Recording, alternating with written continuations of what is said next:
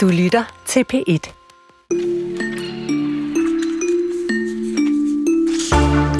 Hun var bare en stor pige, da hun blev en af klodens mest berømte kvinder.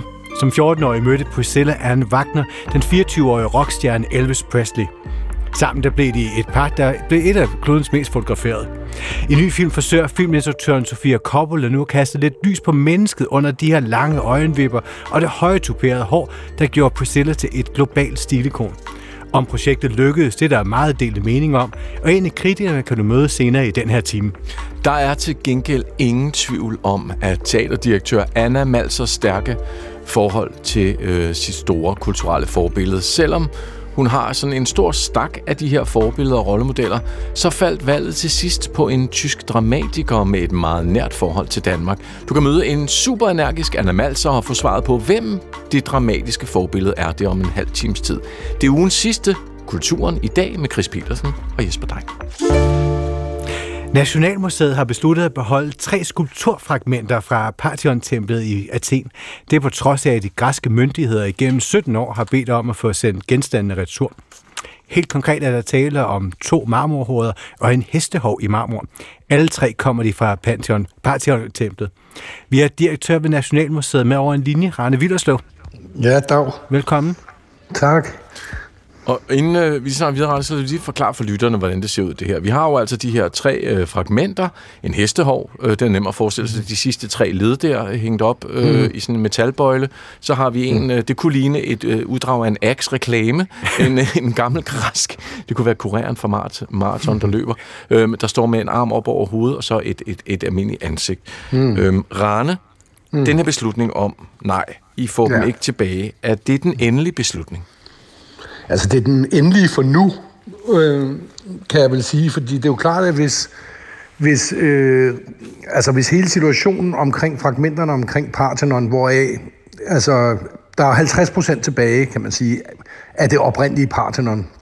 Og det, den 50 procent, de 50 procent er fordelt stort set lige mellem øh, Grækenland og British Museum. Og så er der nogle ganske få fragmenter andre steder, hvoraf vores tre fragmenter er, er noget af det. Men det er klart, at hvis man lige pludselig fik en situation, hvor uh, øh, øh British Museum afleverer det hele til, øh, til, øh, til Grækenland, eller Grækenland afleverer det hele til British Museum, eller sådan noget i den stil, så er det klart, så har vi jo en ny situation. Øh, men, men indtil det sker, og hvis det nogensinde sker, så ja, så er beslutningen, beslutningen endelig, kan man sige. Eller beslutningen vil jeg ikke sige, så er indstillingen endelig, fordi beslutningen skal jo tages af kulturministeren. Det er jo ikke Nationalmuseet, der gør det. Og det fremgår i en pressemeddelelse udsendt af Nationalmuseet, at det efter en grundig vurderingsproces nu er afgjort, at tre skulpturfragmenter fra Parthenon-templet i Athen bliver på Nationalmuseet. Hvad er det her for en grundig vurderingsproces, der ligger til grund for beslutningen? Jamen, vi har, altså vi, faktisk hver gang vi har haft sådan en repatrieringssag, så går vi tilbage og siger, kan vi gøre det her endnu mere øh, øh, altså kvalificeret? Kan vi lave en proces, der kvalificerer øh, indstillingen endnu bedre? Og det vi har gjort denne her gang, øh, det er, at vi har sagt, og det har vi også tænkt os at gøre fremadrettet, altså der skal være minimum tre eksperter, der vurderer det, ikke? Det har der så været. Øh, tidligere var det sådan, at det var eksperterne, der så indstillede til direktionen, hvad de synes øh, skulle være vores indstilling. Det har vi nu erstattet med, at eksperterne giver for og imod, kan man sige, argumenterne, men det ryger så op i chefgruppen i FSB, det vil sige forskningscheferne og bevaringscheferne, som tager, laver deres vurdering af det, og så ryger det videre til Kulturværdiudvalget, som er jo et ligesom separat organ, hvor jeg godt nok sidder som medlem. Altså det er et udvalg, der ligesom tager stilling hver gang, der er noget af stor national betydning, der skal forlade Danmark. Altså H.C. Andersens øh, håndskrevne noter eller noget øh, i den dur. Og så får vi deres øh, indstilling, altså så får vi deres vurdering, hedder det undskyld, så får vi deres vurdering af sagen, og så ryger det op til direktionen i Nationalmuseet, til Nationalmuseets direktion, som så laver sin øh, endelige indstilling til øh, Kulturministeriet. Ikke? Mm. Så det vil sige, at der er rigtig mange, øh, der har været inde over og vurdere øh, for og imod, og vurdere, øh, hvad der øh, hvad er den rigtige indstilling i den, i denne her sag. Ikke? Mm. Jeg går ud fra, at når du selv sidder i det der udvalg, så går du uden for døren, da sagen bliver diskuteret selvfølgelig, ikke? Øh, nej, det gør jeg faktisk ikke, men, øh, men, men man kan sige, at det udvalg har også en rådgivende øh, funktion, sådan som det er i dag. Det er ikke en del af den formelle... Øh, øh, proces, men det er faktisk en, jeg selv har bedt om at få involveret, fordi jeg synes, det er vigtigt, at vi også får nogle eksterne, et eksternt blik på de her problematikker. Ikke? Mm. Altså for folk, der ikke er så tæt forbundet til øh, Nationalmuseet eller genstandene for den sags skyld. Ja. Og i den her pressemeddelelse for Nationalmuseet, der udtaler du, at I har vurderet, at genstandene har en større betydning for Nationalmuseet, end hvis det blev sendt til Grækenland. Hvorfor har de her tre genstande større kulturel betydning for Danmark end for Grækenland? Øhm, jamen, det er der flere grunde til. Altså, det er jo ikke for ikke at sige, at det ikke også har stor betydning for Grækenland. Det har det jo helt givet. Men et meget væsentligt del af den her argumentation, det er jo, at de udgør en forsvindende lille fragment af, øh, kan man sige, hele Parthenon-komplekset. Altså, som jeg nævnte før, så ligger halvdelen af det tilbageværende på British Museum, og den anden halvdel findes i Athen, ikke? på Parthenon-museet. Altså, det vil med andre ord gøre hverken fra eller til, hvis øh, øh, de to hoveder og øh, hestebenet øh, øh, kom tilbage til Grækenland. Øh, faktisk har de større værdi øh, og også, kan man sige, formidlingskraft øh, her, hvor, her på, i Danmark, hvor vi næsten ikke har noget øh, fra, øh, fra Grækenland og, øh, og fra den her periode, og hvor de jo har spillet en enorm betydning, fordi altså dels har de, er jo de et udtryk for handelsforbindelser og internationale forbindelser mellem Danmark og, øh, og omverdenen, men, men også fordi, at øh, man må huske på, at Grækenland, det antikke Grækenland, har jo fungeret som et, et ideal, altså i århundreder for Europa, ikke? som man har forsøgt at modellere vores kultur efter. Øh, øh, og det har de her hoveder altså også. Øh, og det er jo en del af den oprindelige kunstkammersamling, altså mm. helt tilbage til 1600-tallet. Ikke? Så de har jo været en del af vores kultur øh, i meget, meget lang tid, hvor de netop har fungeret altså som et, altså et udtryk for et samfundsideal, kan man sige. Ikke? Øh, så det har faktisk ret stor, meget stor betydning, vil jeg sige, Nå, altså for os. Men, Arne, nu har nævnt øh, med British Museum i London, øh, ja. hvor største del af genstanden er øh, Akropolis Museet i Athen, et andet sted. Øh, ja. hvor, jamen, altså, når man står herudefra og kigger ind, så tænker jeg, det, det kan da ikke være noget argument, at bare fordi nogen har flere end os, så skal vi også beholde dem. Nej, men, men, men når man spørger, øh, vurderer, hvad er betydningen af genstandene, altså hvor er de bedst placeret, om man så må sige, ikke? Så, så, så betyder det jo noget, øh, altså om de ligesom øh, drukner i en, en kæmpe mængde af genstande, øh, eller om de står ud som noget helt øh, unikt, øh, sådan som de gør det på Nationalmuseet i København, ikke? Fordi vi har, vi, vi har ikke andet fra, øh, fra Parthenon. Altså det er så, så kan man sige, jamen hører de så ikke bedre til øh, øh, ind i en sammenhæng? Jo, men den sammenhæng er jo fragmenteret, er jo splittet op i dag. Så det er også derfor, at hvis den sammenhæng, øh, altså hvis, hvis sammenhængen rent faktisk blev skabt ved at lad os sige, British Museum øh, repatrierede alle deres Parthenon-genstande til Grækenland, jamen så ville vi stå i en anden situation, ikke? Fordi så kan man sige, øh, så ville det give mening. Altså, bare for at sige, at resten af de fragmenter, som udgør de to figurer, øh, som vi har her på Nationalmuseet, de befinder sig på, på, på British Museum i dag. Altså, man kan, vil ikke engang kunne udstille dem i sin helhed, selv hvis de blev repatrieret. Men Arne, nu er det jo så sådan, at de græske myndigheder, de gerne vil have de her genstande tilbage. Altså, hvorfor er det det danske nationalmuseum, der skal have myndighed til at bestemme, hvad, hvor sådan nogle kulturgenstande de skal indhente?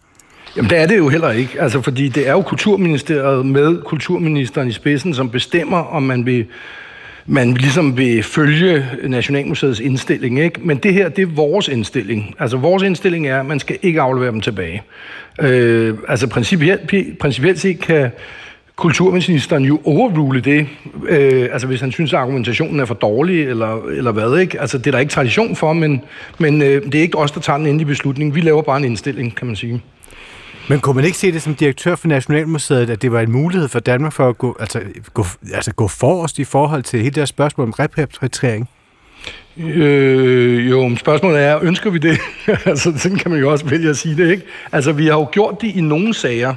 Øh, altså, der var jo her øh, i sommer, var, øh, fik vi jo meget skæld ud for, for at repatriere en fjerkappe af øh, til Brasiliens Museum, men det var jo en helt anden situation, fordi der var to ting, der gjorde sig gældende. Altså, at dels så sad vi jo på næsten halvdelen af de få fjerkapper, der var tilbage i verden. Altså, øh, her i Danmark. Øh, og udover det, så stod vi med et museum i Brasilien, altså, som var brændt ned, og hvor landet havde mistet 95 procent af alle deres kulturskatte. øh, ikke? Øh, og hvor alle Europas museer, inklusive Nationalmuseet, men også alle andre, havde været ude og råbe op om, at vi ville hjælpe dem med at genopbygge deres museum efter den katastrofale brand. Ikke?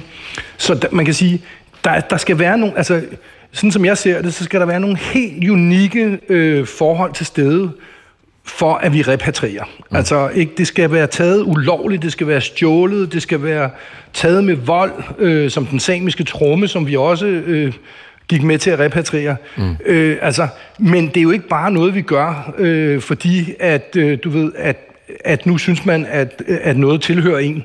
Øh, altså, som, som modsvar til dig, så kan jeg jo, til det du øh, fremhævede her, så kan jeg jo sige, Jyske Lov for eksempel, det er jo på svenske hænder. Vi har så lånt dem af dem, altså et langtidslån, ikke? Øh, øh, Margrethe den første kjole er også på svenske hænder, alt sammen taget øh, i krig, krig mod Danmark. Og sådan har genstanden jo flyttet sig og flyttet grænser øh, endeløst, kan man sige, igennem historien. Men, men og her der står, ja. som, men, bare lige for at vende tilbage, de græske ja. myndigheder vil jo gerne det her, Rand. De vil jo faktisk gerne have tilbage, og du siger selvfølgelig for din side, de her to friske hoveder og en hestehov, mm. dem vil du gerne beholde, fordi de er mm. altså ret specielle i en dansk sammenhæng.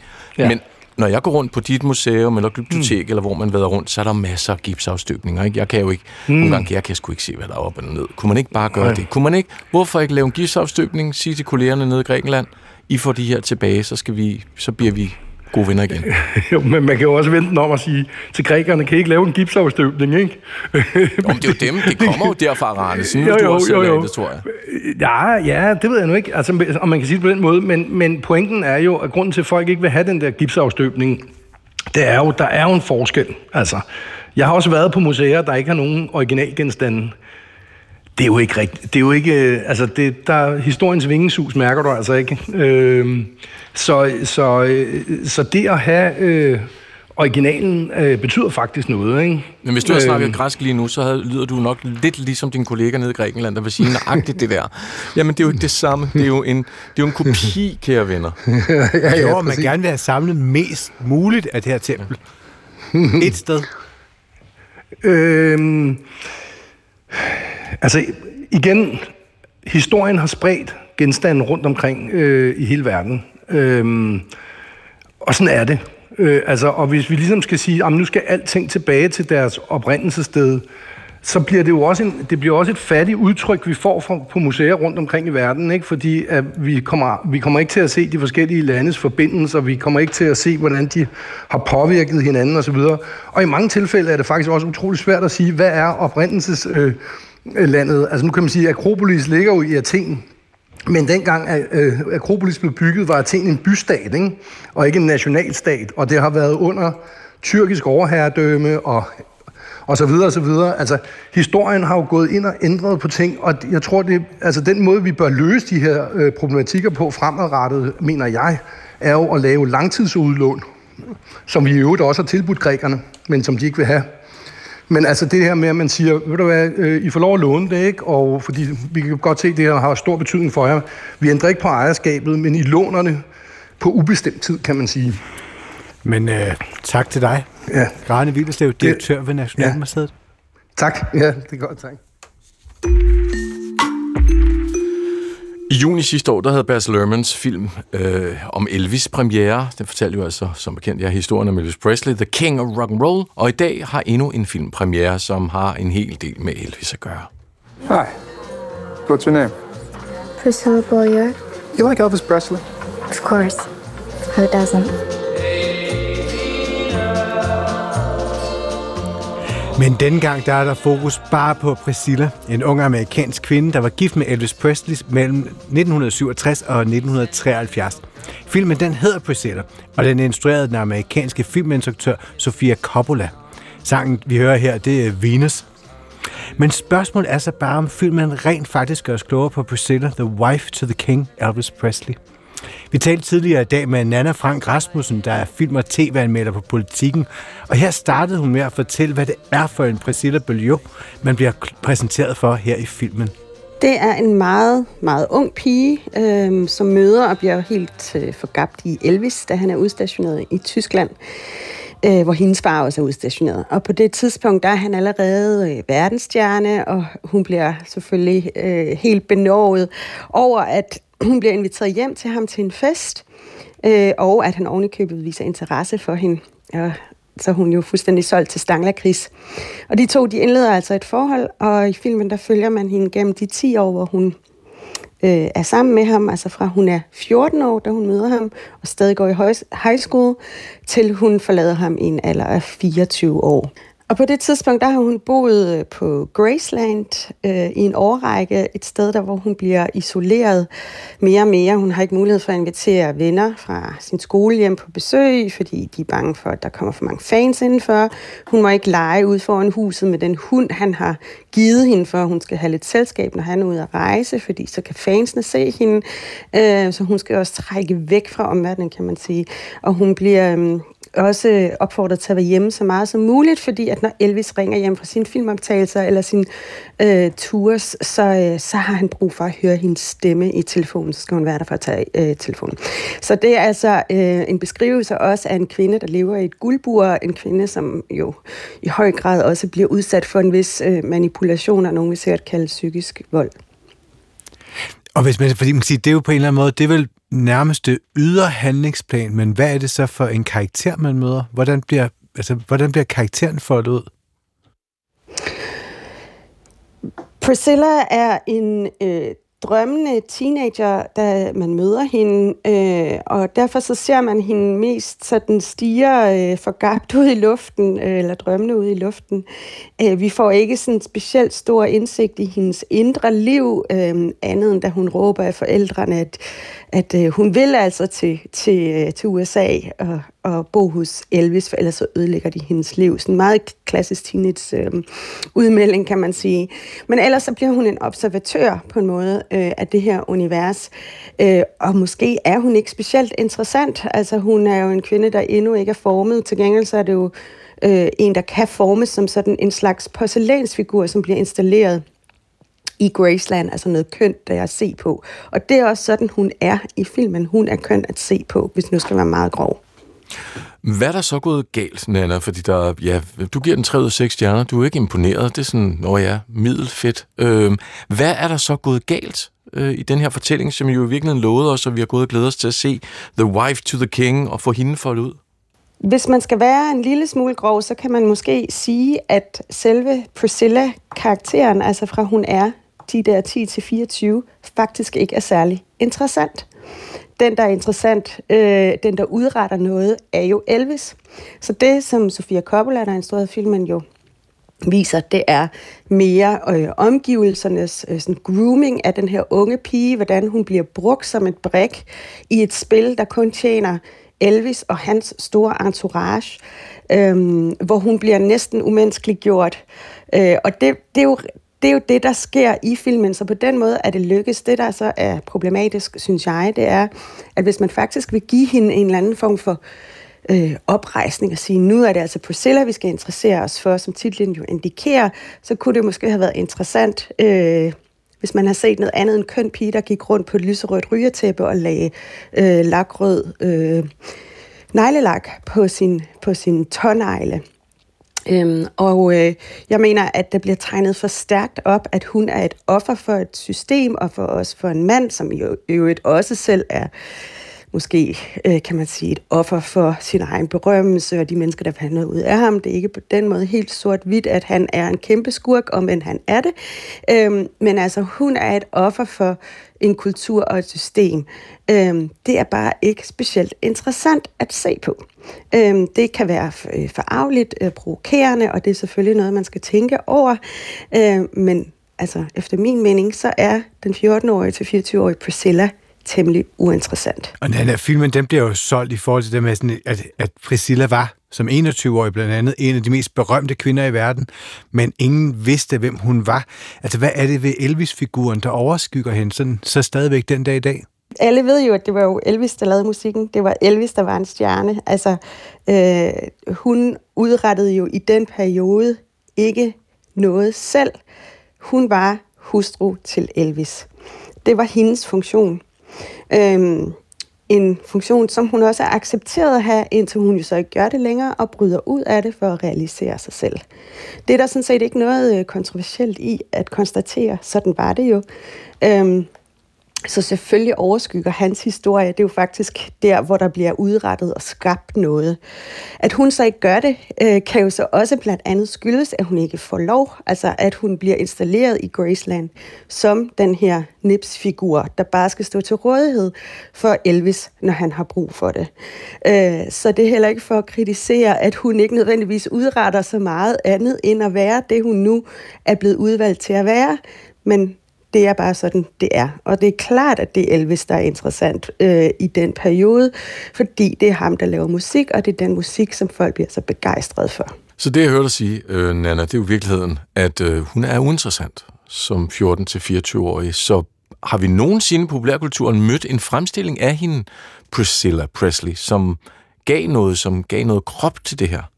Der er blevet lavet mange film om øh, Elvis naturligvis, og der er jo rigtig ofte en Priscilla med, øh, men hun har altid fungeret netop som sådan en, et, øh, en bifigur, eller en øh, kvinde, der, der støttede op om ham. Altså, og det er første gang, at vi ser hende få lov til at have så udtalt stor en rolle, som hun gør her.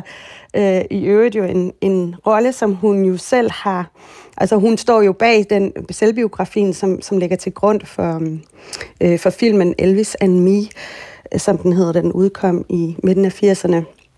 Og er selv meget glad for fremstillingen.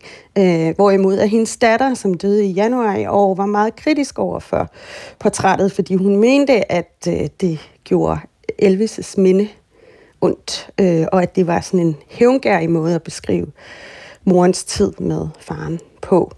Øhm, så der er jo øh, varierende opfattelser af, hvad skal man sige, hvad det er for en, øhm, en Priscilla, øh, øh, der har eksisteret der i de, i de unge år, men man må jo formode trods alt, at den virkelige Priscilla, øh, hun, øh, hun ved bedst, om ikke andet har hun jo retten til at fortælle sin egen historie, som hun vil. Nej, jeg kan ikke lade med at tænke på, at øh, det er jo Sofia Coppola, der har instrueret og hun er jo lidt kendt for lige der sådan lidt eteriske portrætter, altså kvindeportrætter. Jeg tænker på Lost in Translation, Scarlett Johansson-figur. Der er Virgin Suicides, der er Somewhere-filmen. Men er det også som om, at måske at, at koblingen af Sofia Coppolas meget sådan eteriske, smukke måder at instruere på, lidt clasher med den her Priscilla-historie? Jamen, jeg synes, det er, det er meget interessant pointe, og du har fuldstændig ret i, at det her, det er virkelig en meget tydelig Sofia Coppola-film også. Altså, hun dyrker jo, ja, det eteriske, som du siger, hun, hun dyrker sådan de der små sansninger, øh, poetiske sansninger, øh, som måske kan føles ligegyldige i det store billede, men som i øjeblikket har stor betydning for den enkelte. Øh, hun dyrker også ensomheden. Hun kan godt lide at isolere sin særligt kvindelige karakter i nogle rum på et hotelværelse, for eksempel. Og det bliver øh, Priscilla jo så her i, i Graceland. Øh, så på den måde, så forstår man, hvorfor at filmen er blevet, som den er blevet, og jeg er sikker på, at der er mange, der, øh, som er fans af øh, Coppolas form, øh, også vil elske den her film. Øh, problemet kan nogle gange være, at hendes øh, Sofia Coppolas interesse for overfladen, Øhm, og det er hun vældig optaget af. Altså sådan alt, hvad der er øh, populærkulturelt, så den overfladedyrkelse, øh, den kommer simpelthen til at stå i vejen for den historie, der måske kunne være. Øhm, og, og så synes jeg, at den prætenderer netop på grund af titlen, og nu skal vi have historien om Priscilla og hende, der led i skyggen af en øh, ret ubehagelig mand, øh, at prætendere at vi fortælle en, en historie om et menneske, og det, det får vi ikke. Vi får historien om en, om en nipsfigur.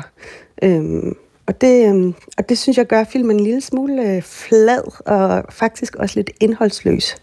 Nu nævner Chris uh, Lost in Translation, som jeg ved er en af hans yndlingsfilm. Det er også bestemt på min topliste.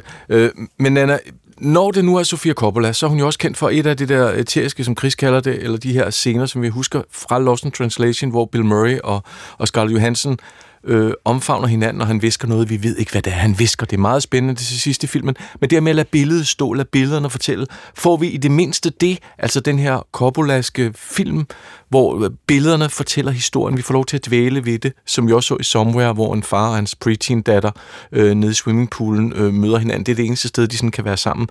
Dvæler hun ved billederne i den her film? Ja, det gør hun, men hun kan gøre det lidt mindre grad, end hun har, ku, ku, har kunnet i de film, du nævner.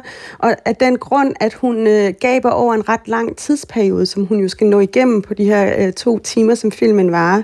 Vi skal igennem de her 10 år. Øh, Øh, og derfor så øh, blev hun nødt til at benytte sig af nogle montager, altså tidsmontager, altså blandt andet sådan den helt klassiske filmmontage, øh, hvor man ser en kalender, og så ryger bladene af langsomt efter hinanden, så man kan se, at månederne går, og årene går. Øh, så vi får en fornemmelse af, at tiden går, øh, uden at man nødvendigvis skal skrive og fem år senere, eller øh, tre år senere på, på ladet. Så, så hun har lidt travlt, og det gør også, at der måske er mindre øh, plads til at have de der dvælende indstillinger, som hun er kendt for, men hun, hun laver, altså benytter sig af mange montager, øh, som også bliver sådan sigende for, hvad der skal komme, eller bliver varslende for, for det, der skal ske i historien. Og blandt andet ser man i begyndelsen, da vi er hjemme hos Priscillas øh, og Priscillas forældre i Tyskland, øh, øh, hvad hedder det, nipsfigurer blive, øh, blive filmet i sådan en, en, en montage, og der, der er andre øh, filmiske varsler på, hvordan hun selv kommer til at blive øh, ja, installeret som den her porcelænsdukke, ikke? kommer til at stå pænt på en kaminhylde. Øhm, så, så det er der, men det er der i mindre grad, vil jeg sige, end, end det plejer at være, fordi at, øh, ja, hun spænder over længere tid, end hun plejer. Ja, sådan Anna, du lyder ikke sindssygt begejstret, men jeg kom lige til at tænke på det her med, med nipsdukken. Det får mig til at tænke på filmen Marie Antoinette med Kirsten Dunst, hvor der jo er de her sådan helt utrolige kostymer. At Sofia Coppola er jo også en kvinde, som gang på gang har leveret film, hvor man kan sige, handlingen næsten er underordnet for det æteriske, som jeg har talt om, men også nogle visuelle universer, der virkelig sådan sparker røv mildt sagt. Hvordan er det visuelle lag her af moden med i, i den her film om Priscilla? Hun var jo også et stilikon på mange måder. Ja, det er den, og øh, øh, jeg tror også allerede Vogue har været ude og lave artikler om øh, kostymerne i filmen og skrevet side op og siden om det, og det er absolut også imponerende, det der foregår øh, på, på den, på den øh, den front. Øhm, filmen er temmelig mørk, så er den lidt brun og grynet, og så er den nærmest lidt øhm, øh, drømmende i sin kvalitet, hvilket jo passer meget godt på øh, på øh, karakterens øh, skæbne, kan man sige. Øh, den, øh, det, hun udlever. Øh, den er ikke så øh, sprængfarlig eller eksplosiv i sin... Øh, øh, æstetik, som Marie Antoinette var, men, øh, men det er klart, at det er da en smuk film. Altså, man kunne næsten ikke forestille sig en, en Sofia Coppola-film, der ikke også var æstetisk dragende, så det er den her også.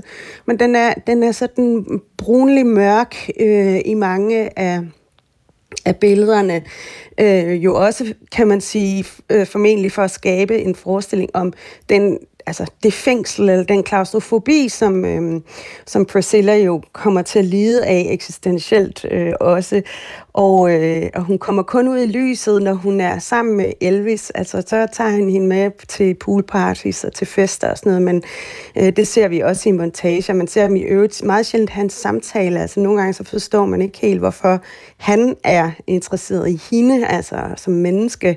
Øh, og måske er ingen af dem øh, interesseret i hinanden som mennesker, men mere på som, som symboler og som øh, statussymboler og som øh, ja, figurer, som de kan spejle sig i og læne sig op af. Brun og grynet. En lidt uinteressant hovedperson og nogle lidt øh, klichéfyldte montager. Jeg tror seriøst, jeg kommer til at springe den her over. Det lyder lidt som om, at jeg går ikke glip af det helt store. Og ret skal være ret. Der er mange andre, der er glade for filmen. Så altså, man kan, jeg kan jo kun som kritiker opfordre til, at man går ind og, øh, og støtter, film, støtter filmmedierne, støtter biograferne og ser dem der, og så danner sin egen mening. Og så kan man jo komme tilbage, så kan man diskutere lidt med, med os kritikere bagefter. Men Anna, fik du det mindst lyst til at, at gå hjem og eksperimentere lidt med franskbrødshår? Nej, det gjorde jeg ikke. Det sagde altså Nana Frank Rasmussen, som er et film- og tv-anmelder på Politikken. Og filmen Priscilla, den har altså dansk premiere her i dag.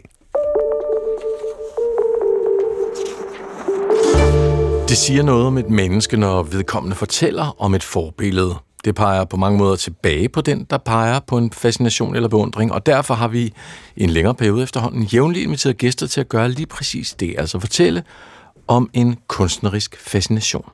I går var det forlægschef på Gyldendal, Simon Pasternak, der fortalte om Leo Tolstoy, og i dag er det teaterdirektør på Mongo Park, Anna Malser, og hun havde, som så mange andre før hende, svært ved at vælge. Det var rigtig svært at skulle pege på bare et forbillede, fordi når man selv, øh, som, som jeg gør, instruerer teater, så, øh, så er man jo ekstremt præget af alle mulige forskellige, både kunstarter, men også kunstnere øh, Øhm, fra alle mulige tider, øh, fordi teateret er sådan et gammelt medie. Så jeg havde bare lyst til at pege på 20 forskellige, og man bliver også meget selvbevidst og tænker, åh, jeg må hellere vælge en person, der ikke øh, bliver talt så meget om, eller en marginaliseret stemme fra øh, et eller andet sted lige nu, hvor det brænder rigtig meget på. Altså, øh, man bliver meget bevidst, men mm. øhm, vi endte altså her. Mm. Hvordan konstruerer du det så? Fordi du siger, det er meget bevidst, er det også sådan, hvad vil mine venner sige? Jeg kan heller ikke mm. vælge hende der, fordi så bliver det for, for popkulturelt. og sådan. ja. Hvor mange overvejelser har du været igennem? Hvor mange var igennem dit filter? Du behøver ikke sige navn endnu. Øhm, hvor mange forskellige? Mm. Øhm, altså 20-50 måske, kunstnere. Øhm, ja, Lavede du så en lille form for schema, sådan et plus-minus, eller Nej, listede jeg du dem? Jeg tror, at det, med, det, jeg var mest bange for, var at vælge noget, hvor lytterne ville tænke, det er endnu en venstreorienteret blind kunstner.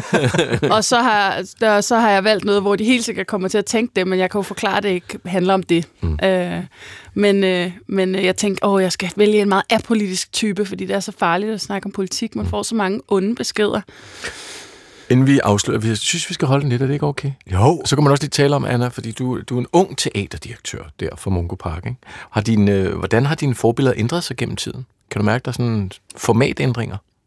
Der er formatændringer på den måde, tror jeg, at fordi at jeg er så sindssygt privilegeret at drive et teater, som er ret mellemstort og har en økonomi, der gør, at vi kan lave nogle forestillinger hvert år, og, og vi har valgt at, at fokusere udelukkende på verdenspremiere, så øh, jeg begynder at få forbilleder blandt de kunstnere, jeg har inde på mit teater. Altså, hvor jeg faktisk begynder at se op til nogen, jeg har ansat, ja. øh, og blive inspireret af dem. Øhm, blandt andet en palæstinensisk instruktør, vi havde på besøg for to sæsoner siden, Bashar Mørkus. Øhm, han er blevet et af mine forbilleder, pludselig. Øh, og det synes jeg er ret sejt, det der med, at man faktisk kan have forbilleder, der lever og ja. går om, omkring en, og jeg kan være... Øh, jaloux på og optaget af noget, nogen jeg har ansat øh, kunst Øh, det synes jeg er helt vildt privilegeret og sjovt. Hvad bruger du så forbilleder til? Jeg stjæler med arme og ben kunstnerisk. altså, øh, det har jeg altid gjort. Øh, mit første forbillede var Tarantino, da jeg var helt, helt ung. Det var ligesom, jeg så en Tarantino-film som 13 år eller sådan noget. Og så tænkte jeg bare, det der vil jeg lave. Mm. Øhm, og så er Danmark jo ikke USA, så sådan nogle film kan man jo ikke lave. Øh, der er jo ikke budgetter til det. Man kan prøve, men kan det bliver prøve. ikke helt det samme. Men man kan faktisk komme tættere på den æstetik på teater. Mm. Øh, altså, fordi man kan snyde sig til en masse, uden det koster penge. Ikke? Man kan forestille sig nogle ting. Øh, og man kan gå amok i lyd og lys og, og effekter på en anden måde, end man kan på et socialrealistisk lavbudgetsfilm. Mm. Budget, ikke også? Øh, så, så jeg endte faktisk med at lave teater. Øh, men var virkelig inspireret af den, det formsprog. Meget mærkeligt. En, en, en ret sådan sårbar 13-14-årig pige, der begyndte at drømme om at lave, lave film ligesom Tarantino. Kill Bill. Ja, ja det er ja. fandme i vold, skal det voldelige. Ja. Nå, nu skal, skal, vi ikke, skal vi ikke det? Jo.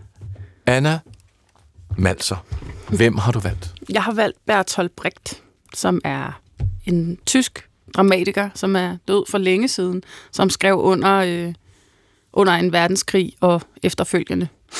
Og hvorfor har du valgt ham?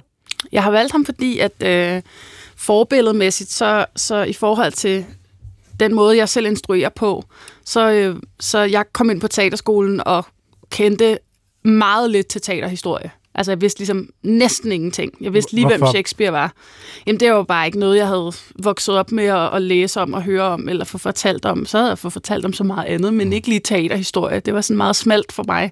Jeg kom ind, fordi jeg var god til at instruere selv, ikke fordi jeg vidste en masse. Jeg havde sådan intuitiv god fornemmelse for at arbejde med skuespillere, og derfor kom jeg ind og havde nogle gode idéer, men de havde ikke så meget med teaterhistorie at gøre. Øhm, så mit teater pegede meget fremad, meget nye historier. Den verden, jeg så omkring mig lige nu, det var det, jeg ville lave noget om. Men så fik man jo den her kæmpe kuffert af viden, som var ret voldsom i starten og skræmmende, fordi man følte sig rigtig dum, fordi man ikke kendte nogen referencer. Men, øhm, men den danske teaterskole går jo meget på sådan en øhm, naturalistisk, realistisk skuespiltradition, hvor der er det, der hedder den fjerde væg, der ligesom lukker publikum ude. Mm. Øh, og så skal man ligesom lære at instruere skuespillere, som om, at de øh, kun ser hinanden og føler alt, de gennemlever, og det skal blive så ægte og nærværende som muligt. Øh, og, og det er dialog, øh, og, og, og man går ligesom efter sådan, at man skal føle, man græder, og så græder man. Mm. Alt skal være naturligt. Det er ret kedeligt at kigge på, øh, alene fordi det er sjovere at kigge på på film, hvor man kommer tæt på de der ansigter, der føler en masse. Så jeg oplevede lidt sådan de første år, den der, sådan, vi lærer noget, hvor nogle skuespillere står og har det mega fedt på scenen, men publikum sidder virkelig langt væk og føler måske knap så meget, fordi det er simpelthen alt småt. Mm. Øhm, så da jeg på mit andet år tog til Tyskland, øh, hvor min lærer sagde, hvis du, er sådan lidt, hvis du er lidt uinspireret af det her, og du synes, det er svært, øh, så prøv, nu, nu sender vi dig ned og ser nogle, nogle tyske forestillinger. Det havde jeg jo heller ikke været. Øh, og der, øh, der var jeg inde og se nogle brigt forestillinger, og blev bare helt vildt betaget af det teatersprog, fordi det er det modsatte.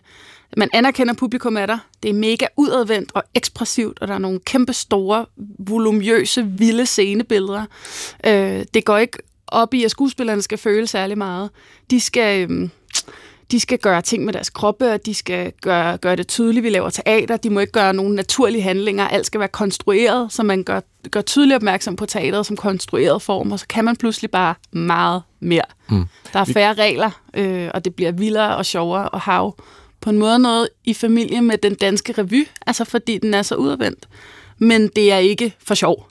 Det er ligesom tekstteater, der vil noget. Mm. Det passer mig også meget godt med, at du sidder der på Mungo Park. Altså hele den måde at fortælle på, og gøre det så vildt i virkeligheden som muligt, og bryde. Nå, men hvis nu vi sad her, Chris og jeg, øh, ved et middagsselskab, og du skulle beskrive BB for os. BB. Øh. Øh, Bibi. Ej, Bertholdt. Hvad vil du så, hvordan vil du beskrive ham?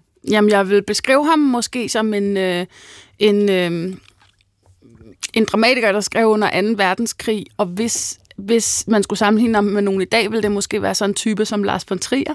Altså, øh, han, han øh, gik meget op i, øh, han, han havde politiske holdninger, og de var altid upopulære.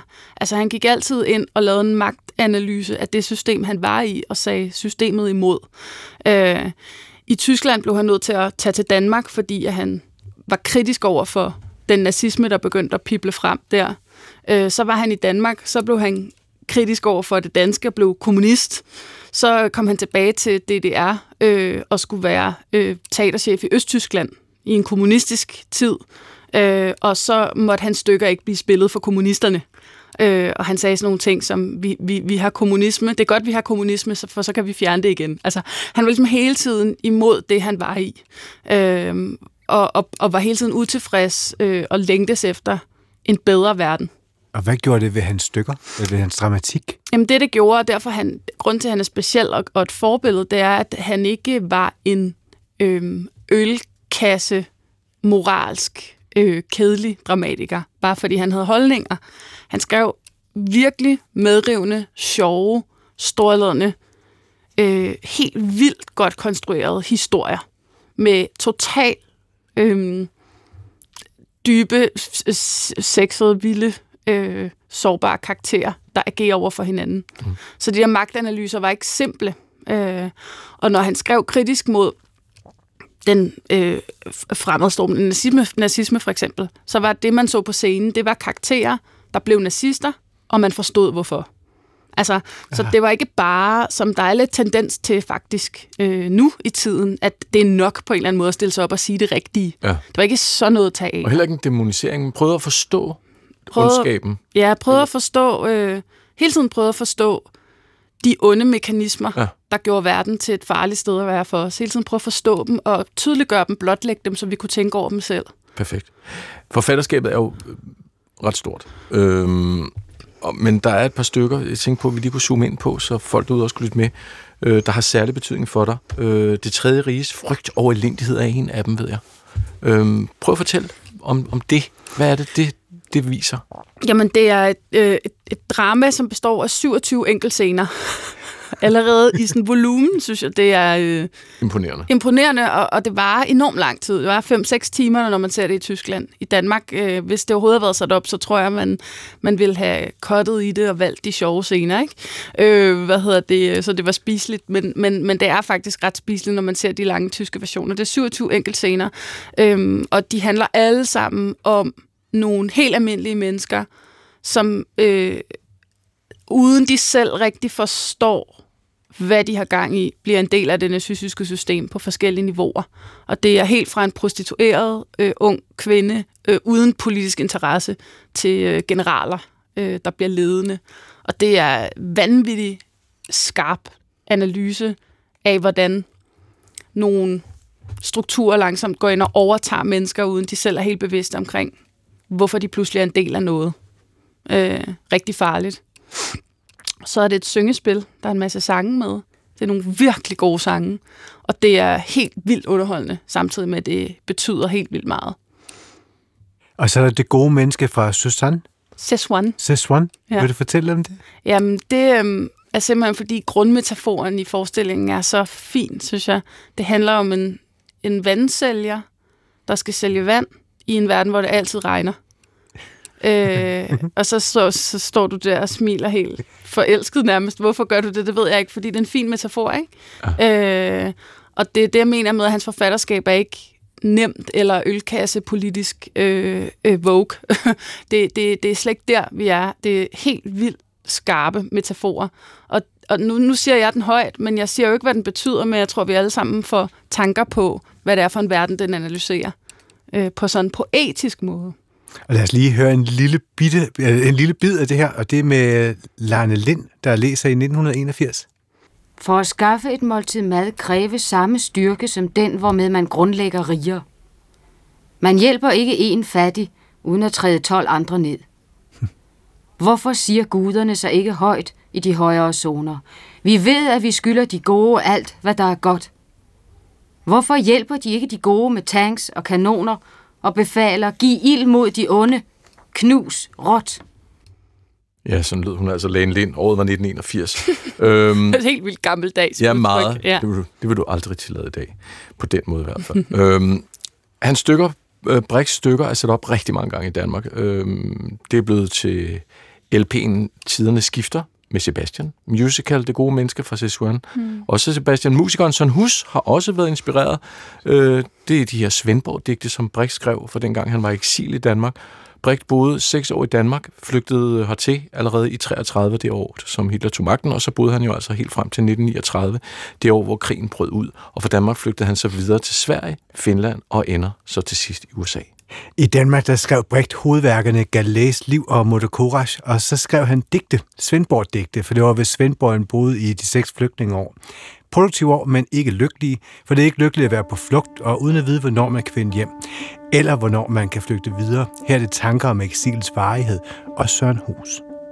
Slå ikke noget søm i væggen Smid frakken på stolen Hvorfor indrette sig for fire dage? Du vender tilbage i morgen.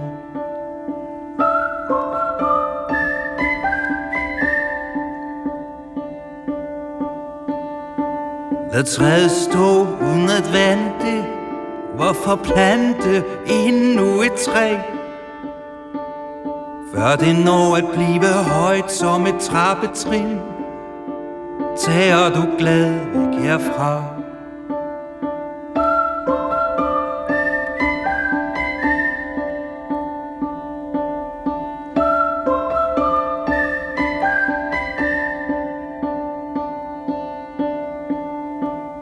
Træk kasketten ned i panden Når folk går forbi. Og forblader i en fremmed grammatik. Nyhederne, som kalder dig hjem Er skrevet på et sprog, du kender Hvornår, hvornår læste du så rigtigt, Bertolt Brecht? Jamen, efter jeg kom hjem fra den Tysklands tur, hvor jeg havde set mange af forestillingerne, Øh, fordi de kører ligesom, der er jo enormt mange teatre i Berlin, øh, så derfor kører der hele tiden noget brigt. Så tog jeg hjem, og så læste jeg rigtig mange af stykkerne, øh, sådan uden for skoletid. Kan du huske det første, der ramte dig? Øh, de har ligesom alle sammen nogle helt vildt fine metaforer. For eksempel den kaukasiske kritcirkel, Den, den øh, går ligesom på sådan hovedmetaforen, at der er to mødre, øh, og de påstår begge to, at de er mor til det samme barn. Og så trækker de i barnet. Øh, det er ligesom den centrale hændelse i stykket. De trækker i barnet fra hver deres side. Og den mor, der giver slip, øh, det er så den rigtige mor. Og det er bare sådan helt vildt voluminøst flot billede. Øh, fordi hun giver slip, så barnet ikke kommer til skade af at blive trukket i. Øhm, Hvad kan man bruge det metafor til, grundmetaforet i et teaterstykke? jamen altså, jeg synes jo tit, når man går i teateret, så øhm, to-tre år senere, så husker man ikke så meget af det, man har set. Øh, måske fordi man er der med, med mennesker, altså, så- og, og, og man husker måske mere følelsen af et stykke. Men med brikstykker, der husker man de der centrale billeder. Oh, Ja. Øh, så de, de der centrale billeder, han altid bygger sin historie op omkring, de svarer lidt til den gode slutning. Øh, altså, man husker dem. Og så kan det være, at man ikke husker de fem andre timer, men man husker det der centrale billede. Øh, jeg vil kunne nævne dem næsten for alle, for alle hans historier. Mm. Det synes jeg er ret unikt. Og når man så har de her billeder med sig, så har man hele tiden sådan en, En bank. en bank af sandhed, øh, formuleret poetisk. Så når man ligesom bliver i tvivl, i tvivl om sit eget moralske ståsted, så kommer man i tanke om de der billeder, og, og begynder at tænke over, hvad man selv har gang i på alle mulige måder. Mm. Og det synes, jeg, det synes jeg virkelig er god kunst, fordi det er ikke bare politisk, og det er heller ikke bare poetisk.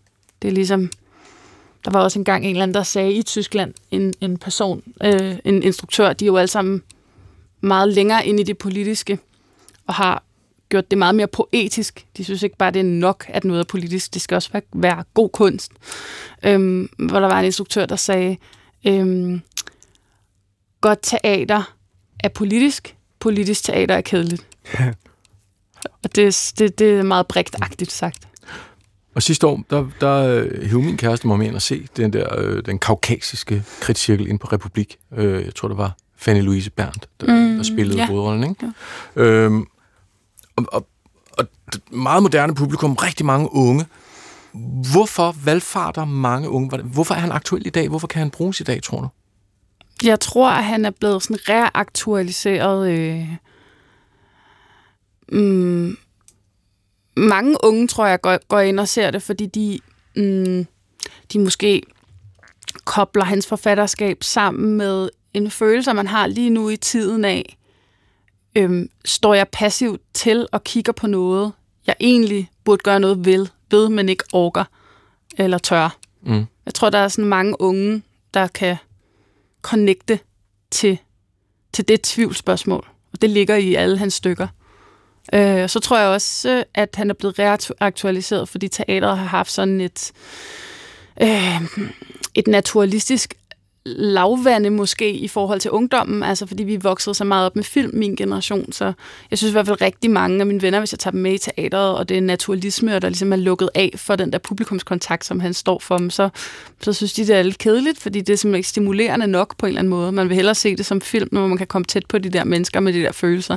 Men når, men når, når teateret vender sig selv udad, øh, og, og ligesom attacker publikum, Mm. så kan det noget andet end film.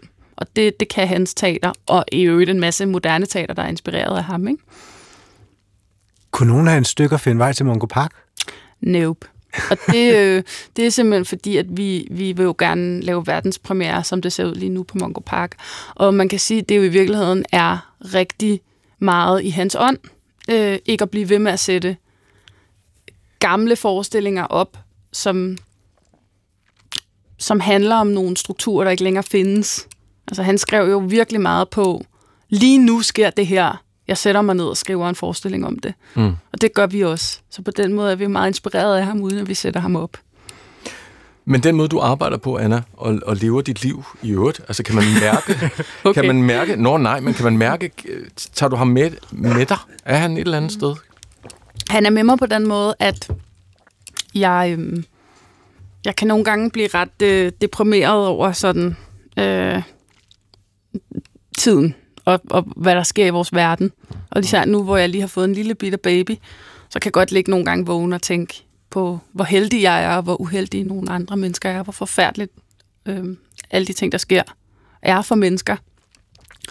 Og, og så kan jeg godt blive sådan helt, fuck det, jeg skal slet ikke lave kunst. Altså, det er jo ligegyldigt. Øhm, og, og så kunne jeg så stoppe med det og gøre noget andet. Det måske, vil måske også være det bedste for verden.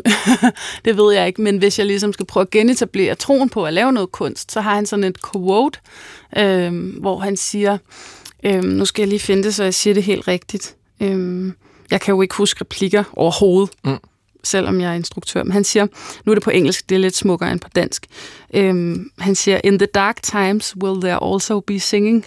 Yes, there will also be singing about the dark times. Det synes jeg bare er helt vildt inspirerende, øhm, hvis man føler sig lidt nytteløs som kunstner. At det, så må man lave kunst om det, der foregår. Og, og se det på har, mørket. Ja, og se på mørket, og det har en værdi. Og den måde, han jo så ser på mørket, det er ikke netop bare ved at stå moralsk på en ølkasse og sige det rigtige nemme. Øh, det er ved at se på det, det komplicerede i os mennesker. Øh, og det er også ved at underholde. Øh, fordi kunst skal være underholdende, ellers går det ikke ind. Og det tror vi jo meget på på Mongo Park. At bare fordi noget er dybt alvorligt, så behøver det ikke være kedeligt. Det må det faktisk helst ikke, for så optager folk det ikke i deres system.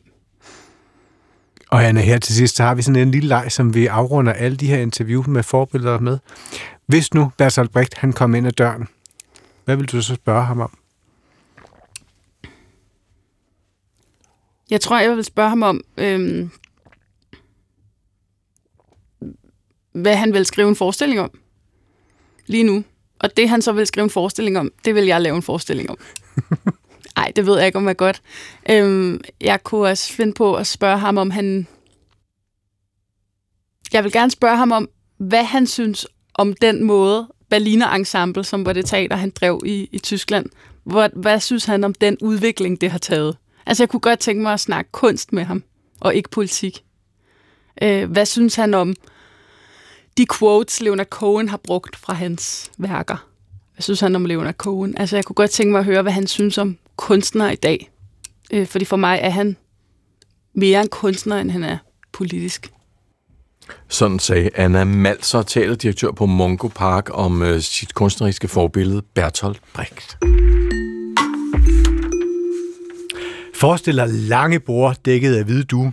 Sådan en rigtig lange, lange bord. 50 meter hver. Omkring dem sidder mere end 100 mennesker iklædt mørke jakkesæt og meget farverige kjoler. De to borde peger mod et tredje bord. Det er altså hovedbordet, der står der for enden af rummet. Og her sidder bordets gæster kun på den ene side, så de kan skue ud over alle de andre. Bordet er pyntet med meterhøje lysstager af guld og en blomsterdekoration på størrelse med et femårigt barn. Det var et femårigt barn, hold op. Og centralt ved det her bord, der sidder arrangementets to hovedpersoner. Den sydkoreanske præsident, Yoon Suk Yeol, og den britiske kong Charles. Ja, kong Charles. Scenen udspillede sig i forgårs. Det er ikke noget, vi finder på det her.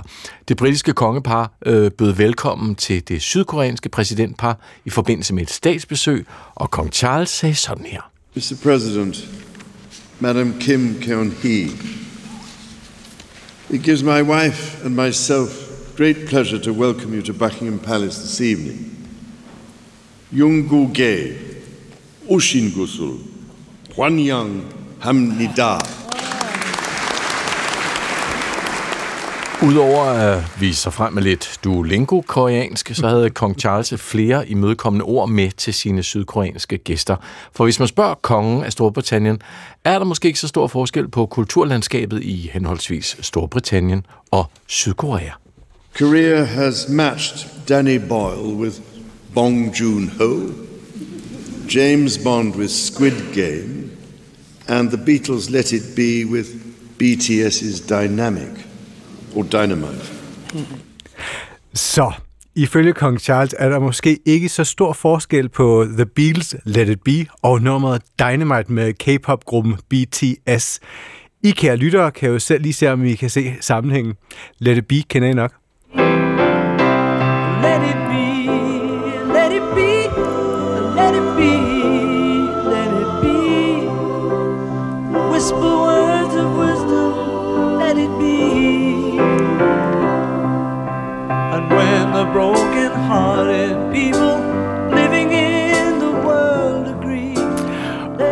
Så bevare Let It Be i baghovedet, når vi lige om lidt hører BTS' Dynamite, og så må jeg selv vurdere, om Kong Charles han har en pointe. Cause I, I'm in the stars tonight. So watch me bring the fire, set the night light. Shoes on, get up in the morning, cup of milk, let's rock and roll. Kink out, kick the drum, rolling on like a rolling stone. When I'm walking home, jump up to the top of the brown. Ding dong, call me on my phone, nice tea, and I'll get my ping pong. This is dead heavy, can't hear the bass boom, I'm ready. Life is sweet as honey, yeah, this beach chain like money.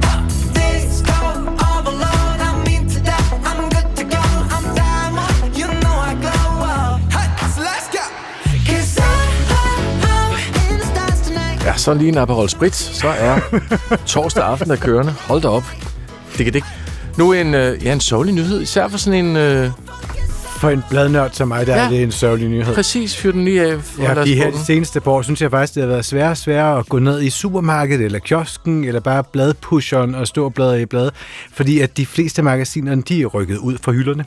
Og i dag, der er det en trist dag, fordi Aller Media, de har nemlig besluttet sig for at lukke den danske udgave af modmagasinet L, ligesom damebladet Femina fremover kun vil udkomme digitalt, og det skriver Media Watch. 2024 markerer ellers 150-året for danske Femina, mens El udkom på første gang på fransk i 1945. Og siden da har elbrandet spredt sig til over 80 lande, og med over 175 millioner månedlige læsere på tværs af platformen, der er El faktisk et af klodens mest læste kvinde- og modemagasiner. Det er derfor heller ikke nogen let beslutning. El har dog ligesom mange andre været ramt af tiden, hvor tabet af Facebook-trafik og ikke mindst den generelle afmatning på annoncemarkedet har haft stor betydning for vores forretning. Det udtaler administrerende direktør i Alamedia Danmark, øh, Charlotte øh, Ripperbelli om lukningen af El, der har været udgivet på dansk i 15 år. Ja, men det er jo ikke rart. Men er det ikke rigtigt forstået, at der er stadigvæk el på engelsk og el på fransk og sådan noget, ikke? Jo, jeg tror faktisk, det var 79 lande, der salg lige nu, Okay. hvor El er på. Nå. Julekalender, Chris, det skal du også se. Og hvis du skal se en, så skal du se den her. Kom og se! Glæd dig til årets julekalender. Christianias magiske Tivoli-teater! 15 minutter til forestillingen. Kan du trylle? Ja, selvfølgelig kan jeg trylle, for jeg er den lille Lucini!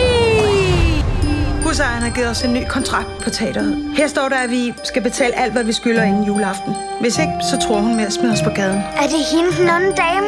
Ja, det er jo synd. Men vi må nok bare holde os til kontrakten.